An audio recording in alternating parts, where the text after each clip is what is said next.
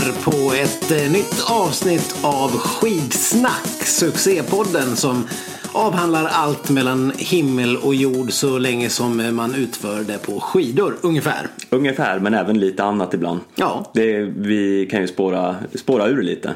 Som man gör i ett skidspår ibland också. Ja, det kan man lugnt säga. Det kan vi ju säga att vi gjorde redan förra veckan när vi hamnade lite grann utanför våran comfort zone. Eh, ja.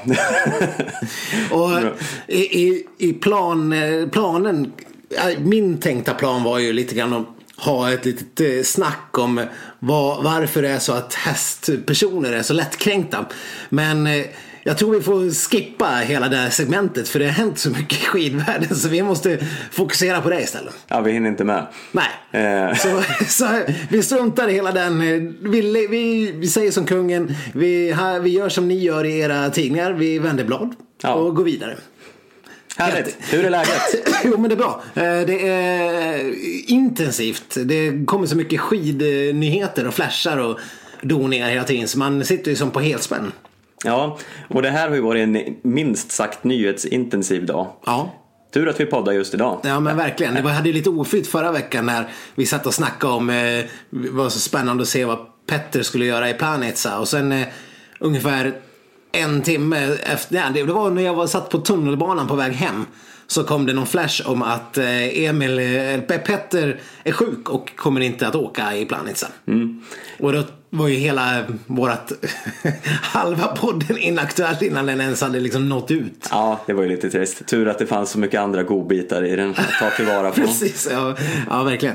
Så att eh, vi får hoppas att det inte kommer några mer sådana omvälvande nyheter de närmsta dagarna kring just de ämnena vi ska prata om. Men det tror jag inte att det kommer kunna göra för att vi, det är ändå en del slutgiltiga beslut och sånt som eh, kanske har eh, kommit idag. Vi får se. Ja, det, det ska vi väl kanske inte slå fast. För det här, eh, vi eh, tänker ju kanske främst nu på eh, det senaste chockbeskedet kring eh, Ryssland.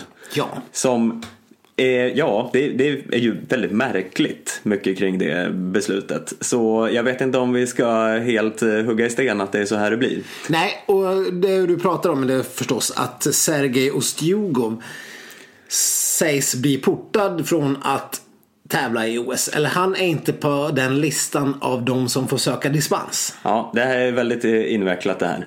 Det är alltså inte någon lista över folk som är portade utan en lista av folk som inte kan ansöka om att inte bli portade, typ. Eh, ja, Eh, det var dubbla negationer där jag förstod ingenting. nej, men det är, ja, jag kanske sa något fel där. Men det spelar ju ingen roll för det är ju väldigt, väldigt Vad invecklat. som där. rapporteras är att eh, Ostjugov- Ustjugov ska inte få åka OS Nej. och han har ingen möjlighet att eh, göra något åt det.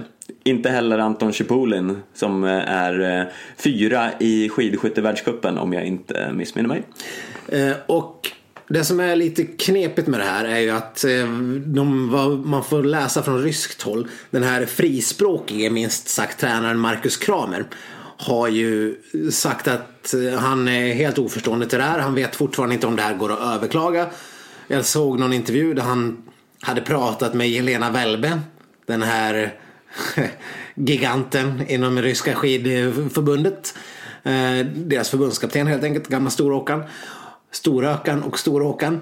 Eh, hon, eh, hon visste inte heller. Hon hade försökt få ta på någon på eh, FIS eller om det var IOK. Men det är liksom, verkar inte vara någon som riktigt fattar vad den här listan, eh, hur pass slutgiltig är den här. Och det, det är liksom, det är veckor kvar till OS. Ja, och de hade liksom inte riktigt fått något besked heller. Det var de själva som hade upptäckt att eh, Ustjugovs och Chipulins namn då bland annat inte stod med på den här listan där, eh, för åkare med eh, chans att söka dispens.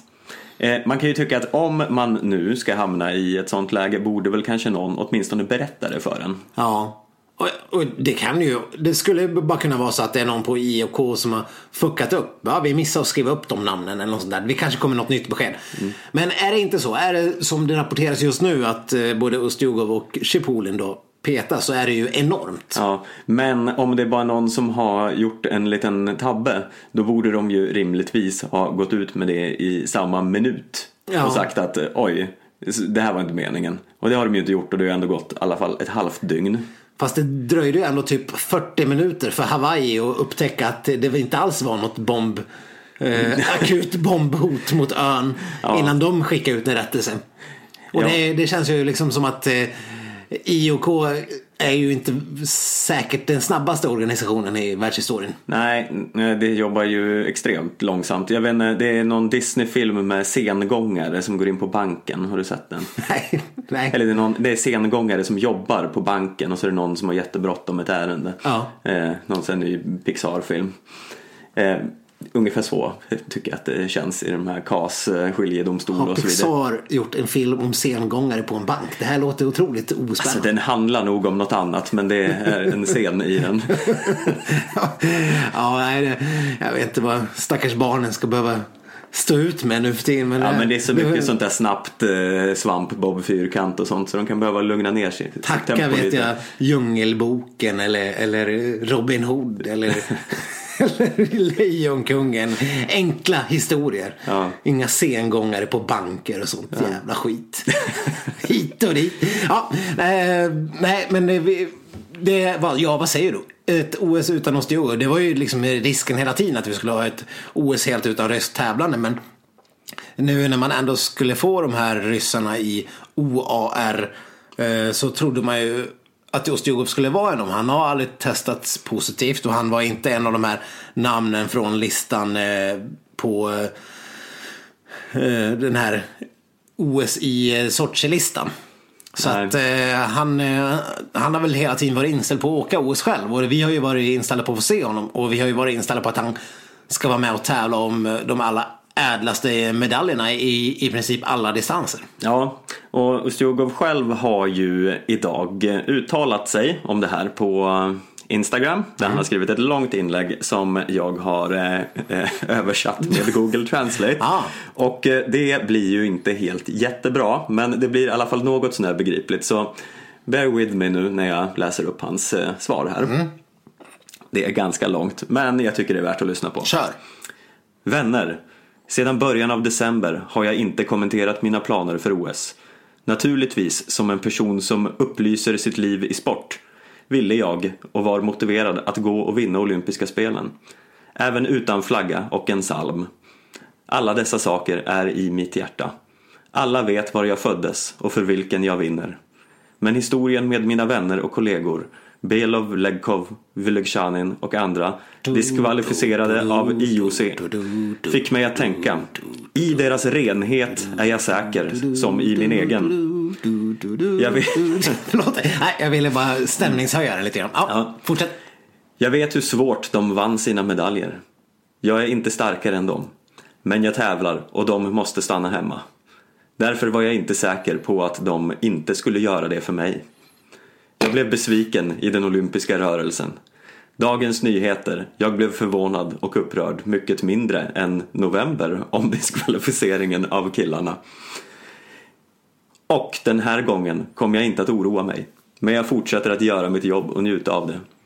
Vid olympiska spelen, livet slutar inte. Kommer det att finnas andra tävlingar där vi kommer att vinna och bevisa att vi är ryssar. Vi är starka, vi är rena. Oh, det var tårdrypande. Ja, Men det hade ju behövts den här nationalsången i bakgrunden. Ja. kanske cuea in den. Nej, det ska vi inte. Men eh, ja, nej, han, eh, det låter lite grann som att han, eh, han, han, han har gett upp. ja. Eh, samtidigt så det är ju inget sånt här sprakande försvarstal av eh, jag har inte gjort något, jag är ren. Det är mer så här bara, ja, försöker hålla någon slags diplomatisk ton om att det här kanske ska blåsa över. Men jag vet inte, det är ju, det är ju lite sv- svårtolkat i och med den här bristfälliga översättningen. Men ja, alltså det har ni säkert märkt ni som ibland översätter saker på Facebook och Instagram att den här funktionen kan ju inte ens översätta norska så att det är begripligt. Nej. Eller engelska. Nej, nej, den är ju totalt värdelös. Men det här var Google Translate. Ja. Eh, jag, jag tyckte ändå det lät eh, hyfsat begripligt. Men eh, ja, ja, det känns... Nu var det precis det vi inte sa, eller det vi sa inte var fallet i början. Att det kanske... Men det här känns ju som att det skulle kunna komma en vändning till. Innan OS drar igång. Så jag vet inte hur mycket man ska hugga det här i sten att det står fast. Men om det nu är så att Ostjogov inte får tävla så eh, ja, det, man, det blir ju en profil fattigare. Ja, samtidigt nu, för det, det är också, det pågår ju eh, det här överklagandet till eh, CAS. Där hålls det nu någon slags gruppförhör med alla ryska åkare som har överklagat avstängningarna mm. i Lausanne är det väl. Eh, och sen ska det hållas enskilda förhör under veckan. Och det känns ju som nog lite sent för Ustjugov att haka på någon slags överklagans tåg, vilket då kanske inte heller, ja, nej. Nej men det känns lite grann så här att eh, nu får ju IOK ta och snappa upp sitt game lite grann. Nu får de eh, antingen, nu får de ha en linje och hålla den liksom rakt igenom. Det här blir ju som att jag såg också att man hade gått ut med fem namn på hockeyspelare som inte skulle få vara med och spela hockey. Mm. Och, och då underströk man i det här att det är verkligen inte så att de här har testats positivt för någonting. Och så. Och det kanske är samma argumentation man kommer ha med Ostjogo. Men, men vad, är, vad är problemet då? Då får ni liksom lägga alla kort på bordet och berätta vad, vad problemet är. Det här att Stugov inte ska få vara med, då vill vi då måste, vi kräver. Vi kräver svar. Ja, vi kräver fan med svar. Och eh, det tycker jag alla har rätt att kräva. Om man har bestämt sig för att man ska låta rena ryssar få vara med och tävla. Då får man väl göra det då. Ja. Nej, det, det är fem we, vändningar för mycket. Här ja, we need a smoking gun här. Mm. För att eh, kunna acceptera att Ostjogov inte får vara med. Annars, jag gillar ju ändå honom så att eh, om... Förutom när han ville slå ner Hellner. Det, det, Ja, det, ja, det är lite taskigt men det, det, kan, det kan, man ändå köpa. Ja. Nej, vi får väl se. Jag tror inte att sista ordet är sagt i den här ryska soppan, borsten, mm. än. Vad tror du? eh, nej, jag tror att eh, eh, det, det, finns mycket mer att vänta innan OS drar igång. Och vi har ju ett par avsnitt till så att vi kommer säkerligen avhandla det här igen. Ja, det är, det är inte första gången vi pratar om Ryssland här. Nej. Ja, det har ju även eh, kommit besked om eh, vilka åkare vi får se i OS nu. Vi har en definitiv lista. Ja, vi har hela listan. Hela listan. Då pratar vi alltså svenska åkare som får åka den här ja. gången och inga ryssar som inte får åka. Men då lyder längdtruppen i sin helhet som följer. Charlotte Kalla, Stina Nilsson. Hanna Falk. Ida Ingemarsdotter. Ebba Andersson. Anna Hag. Anna Dyvik. Marcus Hellner. Kalle Halvarsson. Theodor Pettersson. Daniel Rickardsson. Jens Burman. Oskar Svensson. Och Viktor Thorn.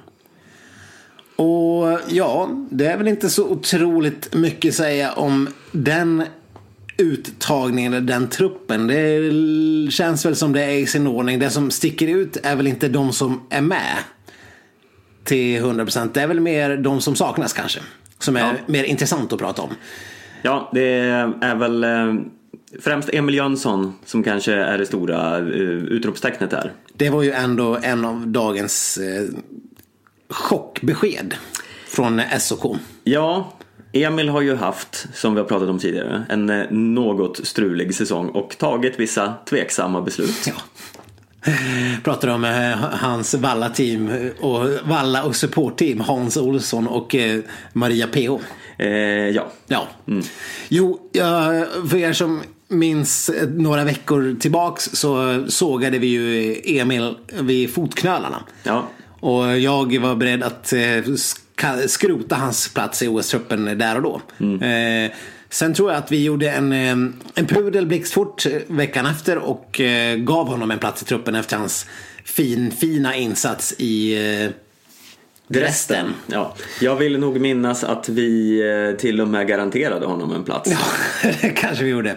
Ja, här garanterar vi platser hitan och ditan. Ja. Men det höll inte SOK med om. Utan de tyckte att nej, Emil det här duger inte. Du får stanna hemma. Mm. Och Ja, när jag, när jag fick det beskedet så kände jag, vad fan. Och sen tänkte jag och så kände jag, ah, det kanske var lika bra. Ja, alltså det är ju inte som att vi tror att han kanske kommer åka dit och riva hem en massa guld. Han tog två medaljer i förra OS. Ja, ja, men det var ju förra OS. Men eh, jag menar, han är ju ändå alltså en av de fyra bästa sprintåkarna. Mm. Ja, det är han ju. Jag menar för jag, jag kanske är lite efter här nu men jag förstår inte det här att, för det sattes upp som någon form av kamp här. Att det skulle stå mellan honom och Viktor Thorn. Och det verkar ju uppenbarligen ha gjort eftersom Viktor Thorn fick en plats. Ja. Men de krigar ju inte riktigt i samma, eh, samma liga. Jag menar Viktor Thorn har väl aldrig presterat på en sprint någonsin. Nej, det har han inte. Eh, han har väl inte presterat sådär fantastiskt på något egentligen. Eh, vi pratade ju sist om hur han i Piteå blev slagen av åtta norrmän på den där tre milen till exempel. Och det var ju norrmän eh, som inte ens var aktuella för att åka någon OS. De var inte ens aktuella för att åka världskuppen i princip. Eh, men Viktor Thorn är väl, vad är han? Han är född 96 tror jag.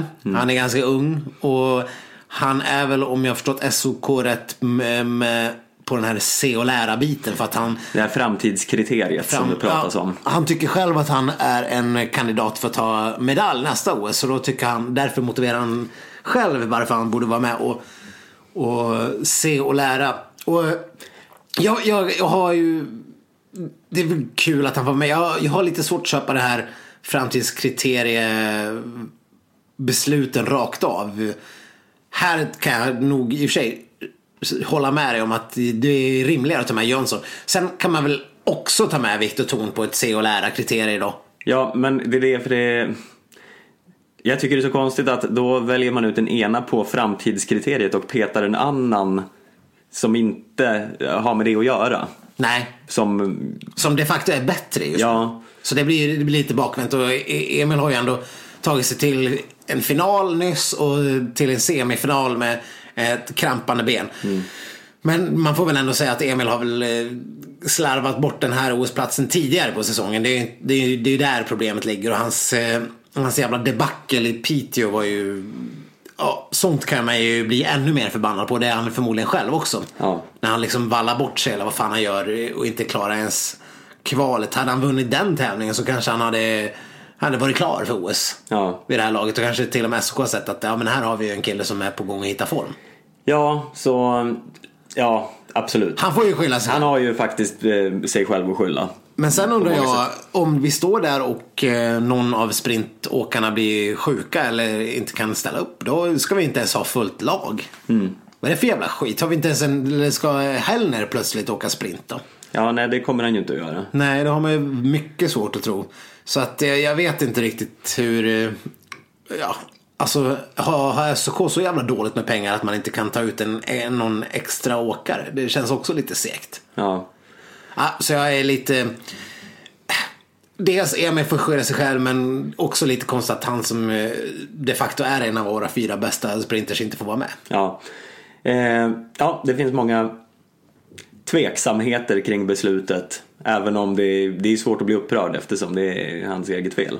Ja, men, eh, men också den här reservfrågan kan man ju dra även till damlaget. För om vi har Stina, Hanna, Ida och Anna Dyvik. Och om någon av dem inte kan åka, vem skickar vi då in? Ebba Andersson lär inte liksom vara aktuellt för ett sprintlag. Eller Anna Haag. Nej, Och Charlotte har väl inte... hon har väl fullt upp med annat kan man tänka. Precis. Hon, eh, om hon ska åka någon sprint så är det ju eventuellt sprintstafetten då. Som jag faktiskt tror att hon kommer, kommer, kommer åka med Stina. Det är min känsla i alla fall. Ja, Men eftersom hon har visat sån eh, störd form. Ja, det är det. Så här, jag är lite kluven här för visst, här, om Charlotte vill åka någonting så ska man ju inte neka henne det lite för hon kan ju ställa till med eh, stor succé vad hon än gör i ett mästerskap. Hon är ju liksom våran mest briljanta mästerskapsåkare. Samtidigt så att eh, hon, det finns rätt många bra sprinters i vårat eh, damlandslag. Charlotte är ju inte kanske en av dem just nu. Eller hon, hon är ju inte med och visar det någon gång. Nej. Sen kan ju hon vara bättre än dem på någon slags jävlar anamma. Ja men någon sprintstafett är ju inte som en sprint heller. Det är ju, någon, det är en annan sport lite grann. Det är ju någon mittemellan-sport. Så det är ju det. det ja, det, det har man ju sett förut att många eh, sprintåkare har ju svårt att hålla ihop det under en tävlingsdag när man åker så, så pass knepiga lopp som det ändå blir när de ska åka ett, ett kval hit där de kör tre gånger var på sträck. Och det, jag menar man kör ju typ fem kilometer totalt under en sån tävling och sen ska man göra det igen några timmar senare. Ja. Det krävs ju jävla uthållighet men sånt tror man väl ändå att Ida till exempel har koll på. ja, Så hon borde ju rimligtvis kunna klara av det. man tycker ju det. Men man har inte tagit ut någon, till exempel vi vurmade ju, eller vi, i alla fall jag vurmade ju för Maja Dahlqvist efter hennes succéinsats i Dresden. Eh, Men hon är inte heller uttagen som någon sån där eventuell reserv eller framtidskriterie eller någonting sånt. Nej, hon sitter nog hemma och svär lite över att Anna Duvik har varit så bra de två senaste helgerna. Ja, men lika där, vad, ja, vad är, är det liksom i plånboken det brinner eller vad är problemet? Ja, Jag vet inte riktigt. Eh, Så det är väl ja, lite... Jag vet inte hur pass spikad den här eh, OS-truppen är. De kanske kan, eh, kan ändra sig än. Det är inte som att IOK har stängt sina portar i alla fall. nej för då, då hade det varit lite kört för Rysslands åkarna. Precis. Men eh, vi får väl se. Viktor Thorn, jag vet inte vad han ska få åka för någonting förutom någon eventuell sprint här. Ja, och varför han ska eh, göra det? Ja, jag, jag, jag vet inte. Nej, det är lite Väldigt knepigt. oklart. Det är lite knepigt, men eh, visst, var med och se och lär. Mm. Ja, det var ju tävlingar i Planitza i helgen. Ja, Som vi nu har lärt oss uttala.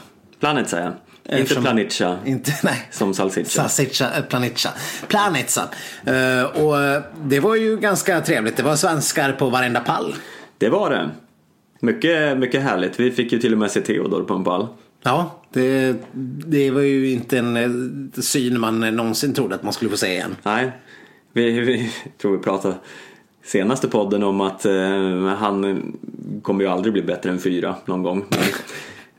Men Ja, det är kanske är bra att vi säger sånt för då motbevisas ju direkt. ja, jag tror inte att Theo kommer ta eh, alls någon medalj i OS. Nej, absolut inte. Uh, nej, Nej. garanterat inte. Han blir sist. Ja, vi slår fast det.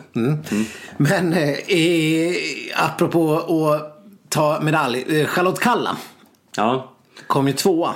mm. jag anar en viss, ett visst agg i din röst. Ja, det här måttet är rågat. Råttet är mågat som eh, han eh, Per Ledin skulle ha sagt. Ja, men vad då är, duger inte en andra plats för dig? Nej, jag, jag, jag ser ett problem och jag ser en anledning och jag ser en lösning. Så här va. Charlotte Kalla har ju gått ut, eller valt att gå ut tidigt i, i för Ja, hon gick ut först till och med i det sidade Ja. startfältet. Och det är inte första gången vi ser det. Nej. Hon går ut först för att hon eh, tänker att hon ska eh, liksom eh, slå, slå de andra i, i spillror bara genom sin blotta närvaro. Och vara så bra. Och det funkade väl okej. Hon ledde ganska länge i det här 10 km klassiska loppet.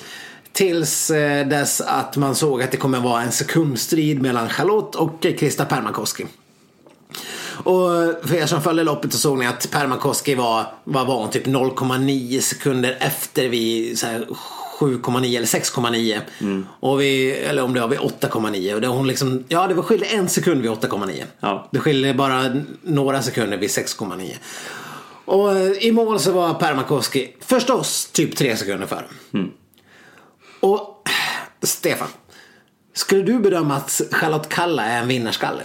Eh, ja. Ja. Du tycker att hon verkar vara en vinnarskalle? ja, ja, det, Hon har pannben. absolut. Varför i helvete ger hon alla sina konkurrenter världens fördel genom att välja att starta först? För hon gjorde så här även tidigare på säsongen när hon tänkte att hon skulle slå knock på konkurrenterna och inte gjorde det Ja. och vann. Ja, och då kan man fråga sig varför väljer Kalla att göra det här igen? Jo, det är för att det funkade en gång och det funkade på ett VM i Falun. När hon gjorde samma sak, valde att gå ut väldigt tidigt. Och då vädrets makter var på hennes sida för att det blev totalt jävla kaos. Jag var till och med där. Var det då vi hade hon den här okända amerikanskan på pallen? Ja, och sen var det väl... Greg. Var det någon typ kines? Nej, inte kines, men det var ju det var en märklig pall. Charlotte Kalla var ju, hade gått ut först och sen började det liksom snöa och, och blev kaos och Björgen och Weng och de där var ju liksom minuter efter. Ja. Typ. Och nu misstänker jag, det är min teori i alla fall, att Charlotte liksom har så goda härliga minnen av det här succéloppet i Falun. Att hon väljer att gå ut först och se det som någon sån briljant taktik. Men, men hur ofta händer det att väders, väderomslagen sker på sån men monumental kraft mitt under loppen på 10 kilometer? Ja, det är ju ganska osannolikt. Det är ju otroligt osannolikt. Och Det är, det är mer sannolikt att en eh, Permakoski som eh, märker att hon är jättenära en seger kan eh, driva igång sig själv på ren vilja sista kilometern. Precis. Och vet du några andra som också har ganska bra vinnarskallar? Ja, vad sägs om Marit Björgen? Mm. Eller van Falla eller Östberg eller Weng? Ja, falla. Fan, inte Falla, inte men Haga då? Ja. De kan ju också se samma sak och ta i från tårna. Kall- Charlotte Kalla som ändå har åkt så pass bra så att hon har gett sig chansen att eh, få vara med och välja vart hon vill starta. Måste inse att hon skulle tjäna på att starta sent. Så hon kan ha tider att gå på. ja. Det här är ju en... Om Magnus Ingesson lyssnar på det här, eller någon, vem fan som helst, säg åt den och sluta med den här dum, dumma taktiken. Ja.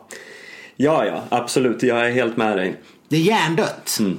Och lägg av. Det, det här har ju kostat henne i alla fall eh, åtminstone en världscupseger. Det ju garanterat så att det kostade henne segern i, i Planitza.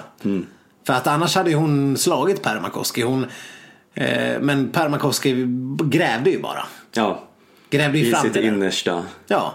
Men det var i alla fall härligt att det var hon och inte Weng. Ja, ja, Man verkligen. har ju på något sätt, det är väldigt lätt att så här, eh, känna för vissa åkare och inte andra. Permakoski gillar man ju lite grann så här.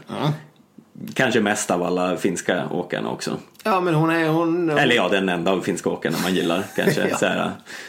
Ja, absolut. Ja, men eh, man, eh, hon, hon verkar ändå eh, så här, hyfsat sympatisk men ändå ha lite så här finskt svårmod. Och liksom ja, allmänt finsk grinig också. Så Ja. som man, man vill att de ska vara. Men eh, ja, sen var det skönt att Weng inte alls hade någonting eh, att sätta emot. De var väl, eh, vad var hon, nästan en halv minut efter.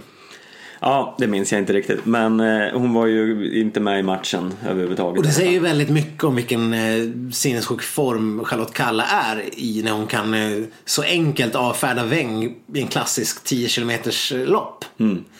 Eh, så att, eh, ja, det båda ju extremt gott inför, eh, inför OS. Men då får vi väl be till gudarna att hon eh, väljer en bättre taktik. Om det inte nu bara skulle råka vara ett snökaoslopp där i Pyeongchang. Då, då, men då är det ju som en tombola. Sen, jag ska säga, det är väl kanske inte riktigt säkert eh, att eh, man väljer själv i OS heller hur man startar. Det kanske kommer in andra regler där. Ja, det kan man ju inte säga att jag sitter och har jättebra koll på. Men rimligtvis borde det vara ungefär liknande förutsättningar som eh, det är i världscupen. Att de som är högst eh, rankade får välja lite hur de vill starta. Men det kan inte jag svara på faktiskt. Nej. Det är också lite speciellt under OS eftersom det är så mycket färre löpare i de flesta distanser än vad det är under en världscuplopp till exempel. Så det, blir lite olika. Men eh, ett annat glädjeämne var ju Ebba Andersson Ja, som slutade femma. Och det, det var ju hennes bästa någonsin med råge. Det är ju fortfarande sensationellt och det är ju en, en Det är fortfarande lite så här eh, att vi inte riktigt eh, ger sådana framgångar den uppmärksamhet det faktiskt förtjänar. Nej. För det här, ja det är ju egentligen helt otroligt att Ebba ska redan nu vara så bra. Ja, och det har ju gått ganska fort får vi ändå säga. Även om vi, vi har ju tjatat ganska mycket om att hon har hängt på Kalanka Cup i eh, Ja. all oändlighet. Ja. Eh, men eh, Ja, nu... men sen har de ju tagit sitt förnuft till fånga. Hon togs ut tidigt i OS-truppen och, och hon fick ju åka världs, eller hon fick åka VM-stafetten förra året och hela den biten. Men nu så här, den här säsongen har hon ju varit skadedrabbad och sjuk i början och börjat åka världscup ganska sent. Det är ju bara några helger hon har varit med. Men eh, då har hon ju gjort det med en eh, stadigt stigande formkurva. Ja, det, gör det onekligen ännu mer imponerande att hon eh, redan nu kan vara så pass bra. Men samtidigt så känns det lite grann att hon fortfarande inte Ja, jag vet inte. Men man kände lite grann med det här loppet eh, i, i, i söndags var det väl. Att hon kanske inte hon, hon, hon inte vågar släppa på sin fulla krut än. Det känns som hon har mer att ge någonstans. Ja, men det är väl ändå skönt. Ja, absolut. Men hon hade ju liksom till exempel tagit på Kalla sista, från sista mellantiden och in. Eh, och det kan väl, eh, jag vet inte om Kalla lämnade någon förklaring till varför hon hade tappat på så många i slutet där. Eller på så många, men på Ebba till exempel. Och, och Permakoski då förstås. Eh, men det känns som Ebba inte litar på sin egen kapacitet. Att hon tror kanske att hon ska trötta men att hon egentligen bara har hur mycket kapacitet som helst. Ja, men det kan man väl ändå köpa lite grann att eh, om det man märker att man ligger med väldigt bra första halvan och sen eh, ändå har ganska mycket kvar att som ny åkare att det är så här, ja, det kan stumna här.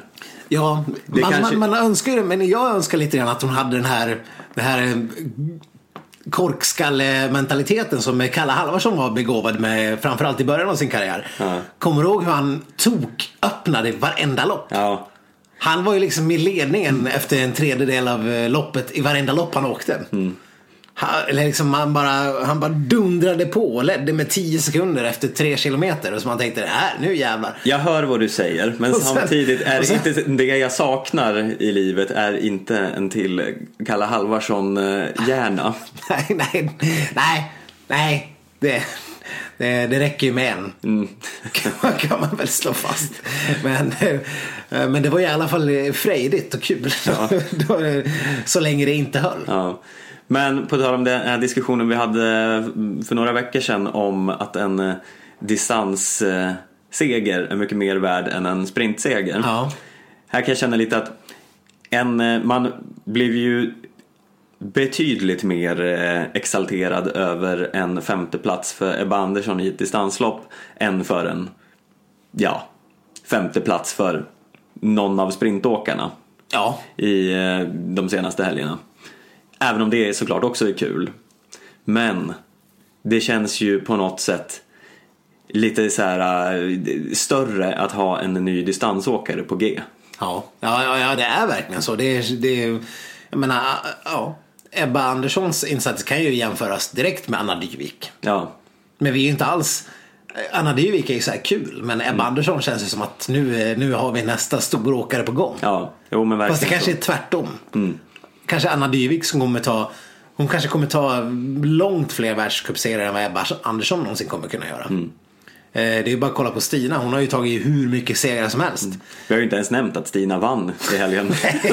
Nej. Ganska överlägset också. Ja, Eh, nej, nej visst. Nej, det- precis. Det blir ju en konstig diskussion när vi sitter och pratar om hur stort det var att Ebba kom femma. När vi inte ens nämner att Stina vann. Nej men det här, det här har vi också eh, tagit upp förut att man är ju lite van. Man tappar ju liksom eh, eh, åfanet när, när det händer hela tiden. Men det är ju såklart superimponerande att eh, Stina vinner i sån här överlägsen eh, stil. Alltså Falla hade ju inget att sätta emot. Nej, nej verkligen. Nej, det, var, det var otroligt fint att se. Och sen kommer väl Sen vet man ju inte hur folk har lagt upp eh, sin eh, fo- formtoppskurva. Liksom när det är så en månad kvar till OS. Då kanske man inte heller ska vara riktigt där. Nej, Falla fastnade ju för övrigt på flygplatsen i Amsterdam tror jag det var för att de hade skickat henne med fel flyg. Så hon kom för sent till Planica. Nej, Ja. taskigt. Ja.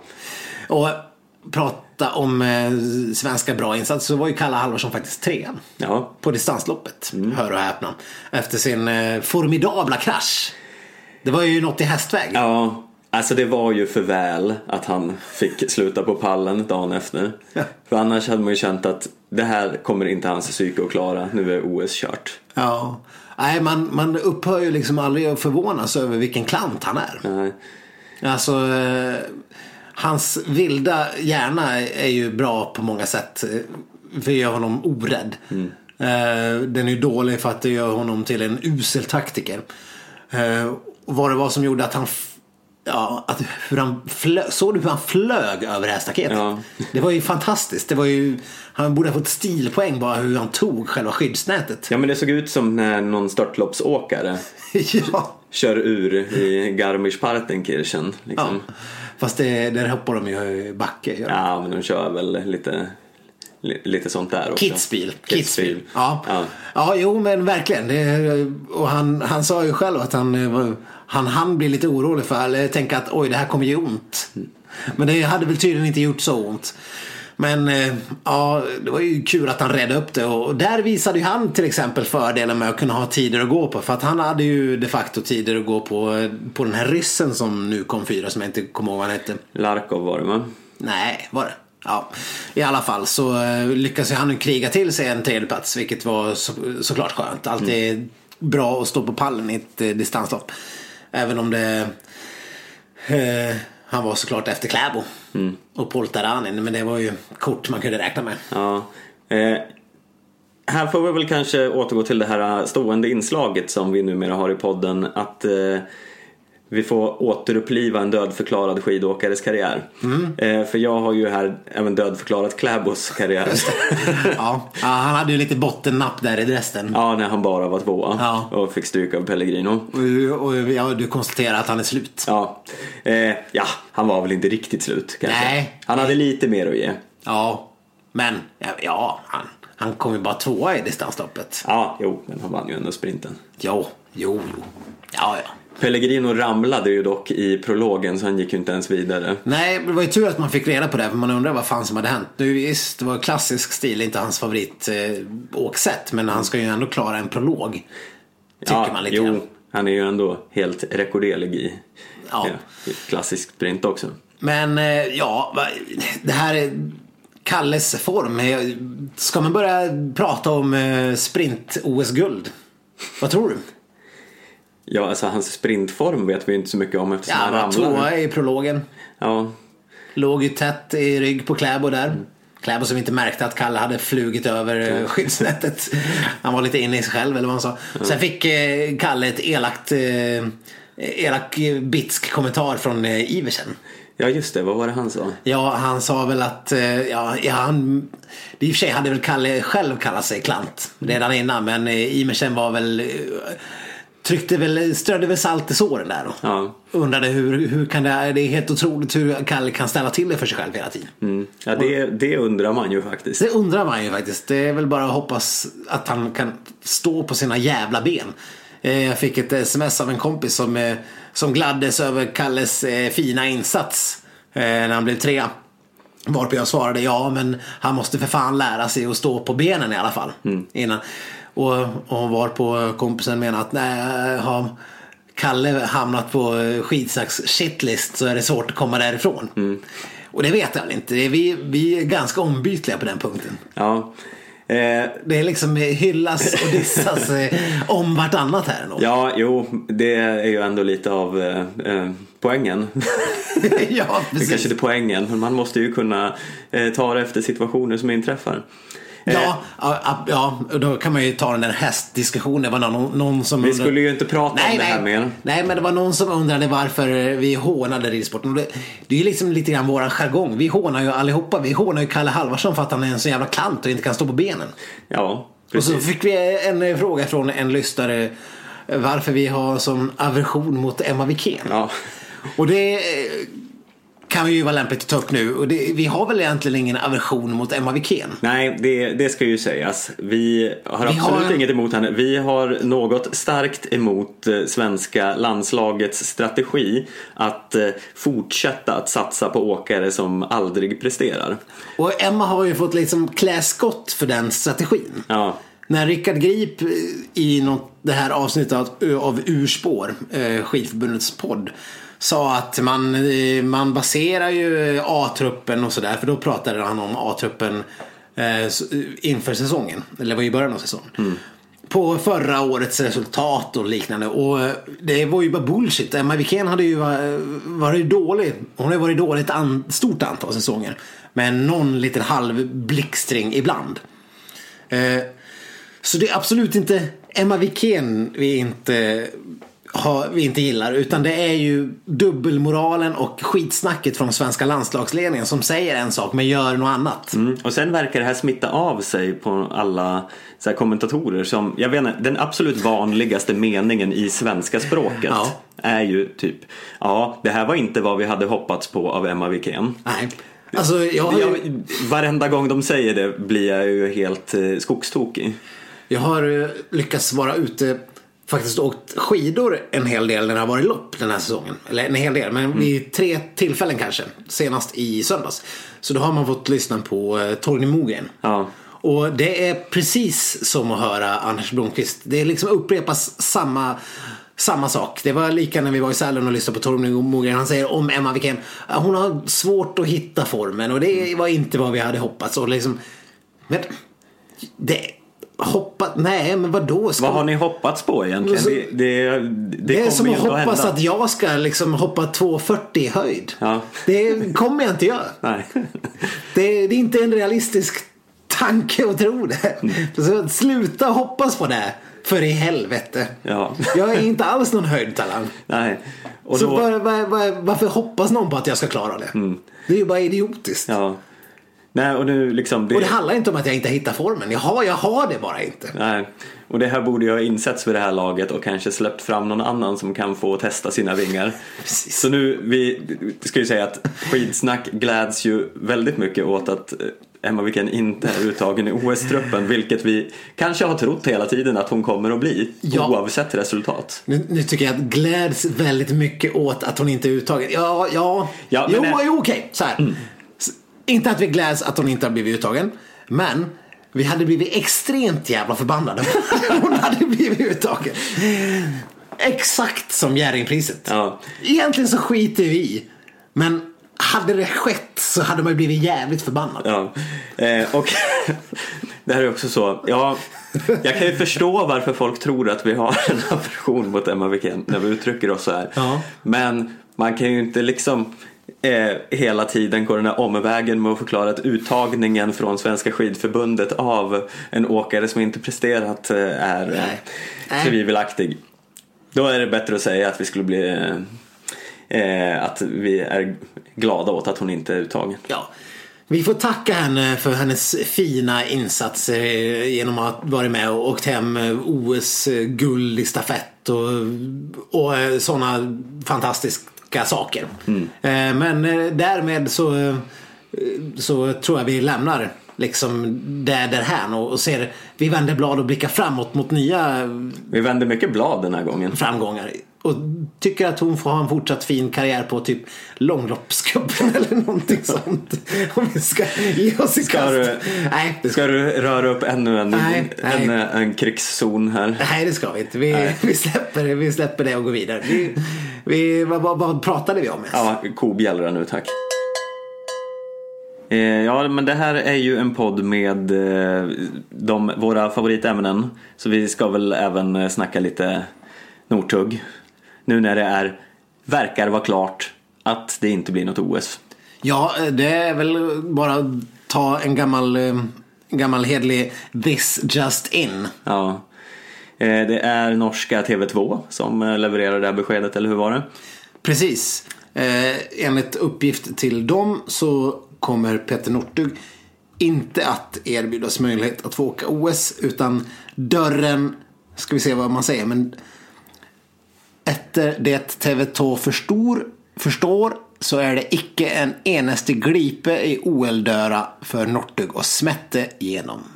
Mycket bra norska den, Ja, säger jag. tack. Eh, så, eh, ja, enligt vad de erfar helt enkelt om man ska översätta det till svenskt tidningsspråk. Så eh, är dörren stängd och det har ju man har ju kunnat tänkt att ja men det, det låter inte så konstigt. För han har ju inte åkt på hela säsongen. Men eh, det har ju varit den här Löfshus, eh, Northug, eh, ja. Ja, och om nu Petter hade haft någon som helst sista förhoppning om att få komma med så borde han ju kanske, kanske inte ha agerat som han gjorde här om dagen. Nej.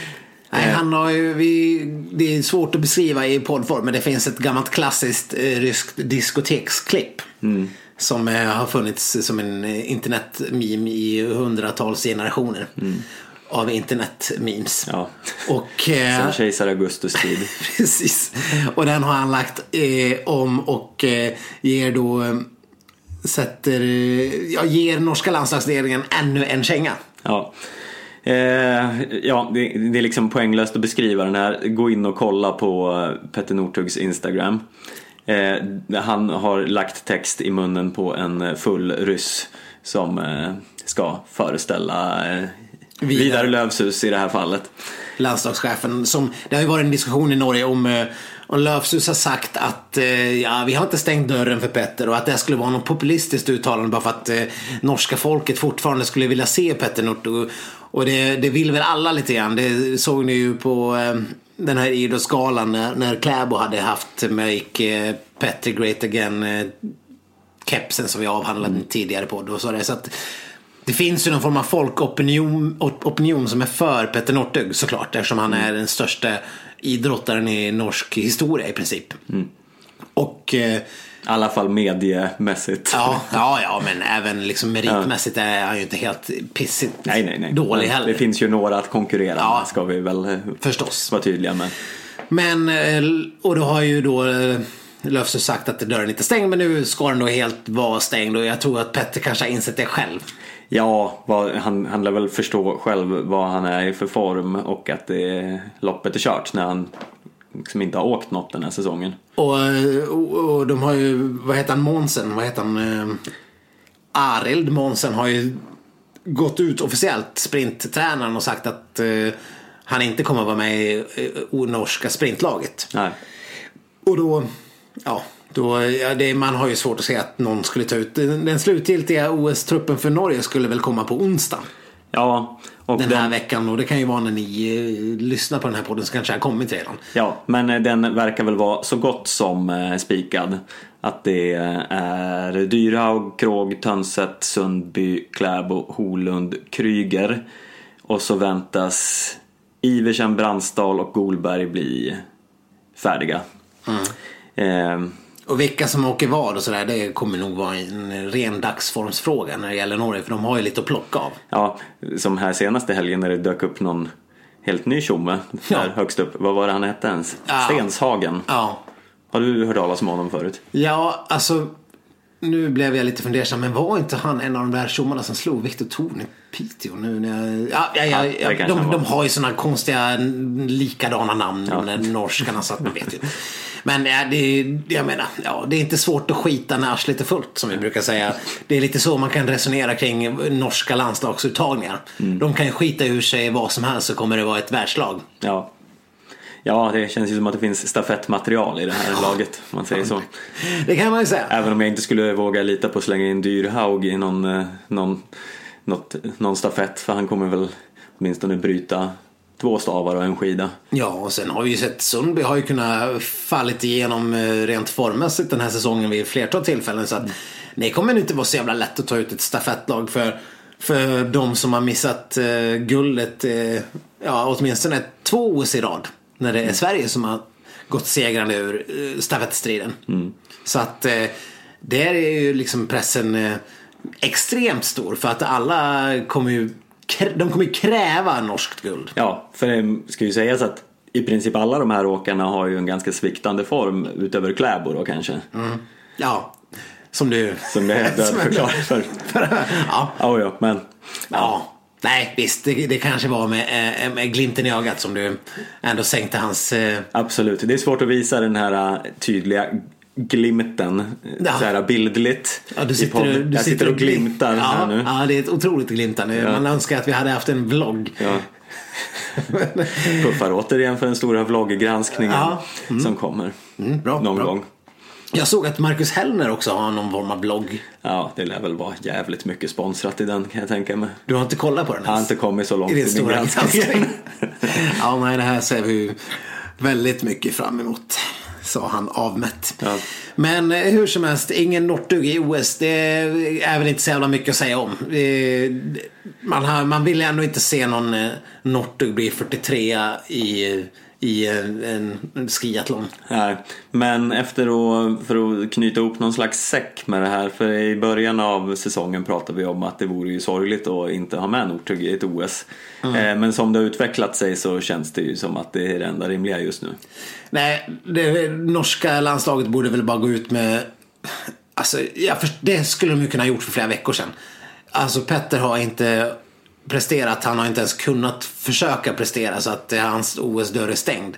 Den här liksom glipan som de pratar om nu, när det är tre veckor kvar till OS. Jag menar, ja, det, det, det blir lite parodiskt om det är för att inte uh, vilja stöta sig med norska befolkningen. Ja, det måste vara enda anledningen.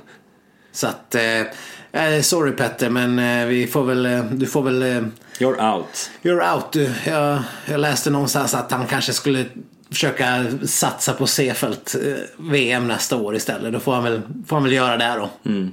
Det, det, var, det var något som Emil också pratade om att han kanske skulle göra. Så de, kan väl, de kan väl ha en sista strid. Mm. De kan väl eh, ta med eh, numera pensionerade Hans Olsson, Maria PH som, som någon form av landslagsledning där kan jag tycka. Så får vi väl se om Petter kommer tävla för Norge eller Ryssland. Ja. Den... Eller OR. OR. Mm. Ja. ja, nej men det var väl ungefär det vi hade att komma med den här veckan. Det känns som att vi ska knyta upp den här säcken för vi kommer ju ha ett par poddar till innan det verkligen är dags för OS.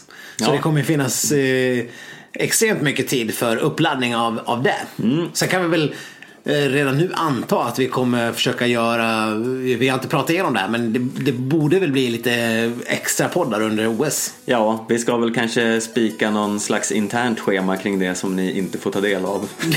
Precis. För det ja. vore att lova lite för mycket ja, om nej. jag känner oss rätt. Vi ska inte lova runt och hålla tunt. Nej.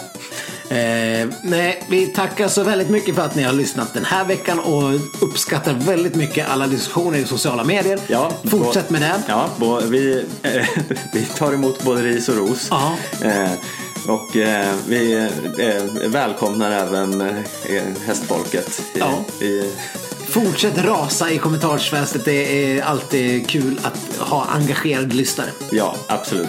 Eh, och ni når oss som vanligt på skidsnack.gmail.com, på Facebook, på Instagram, på Twitter så hörs vi igen nästa vecka. Mm. Hej då! Hej då!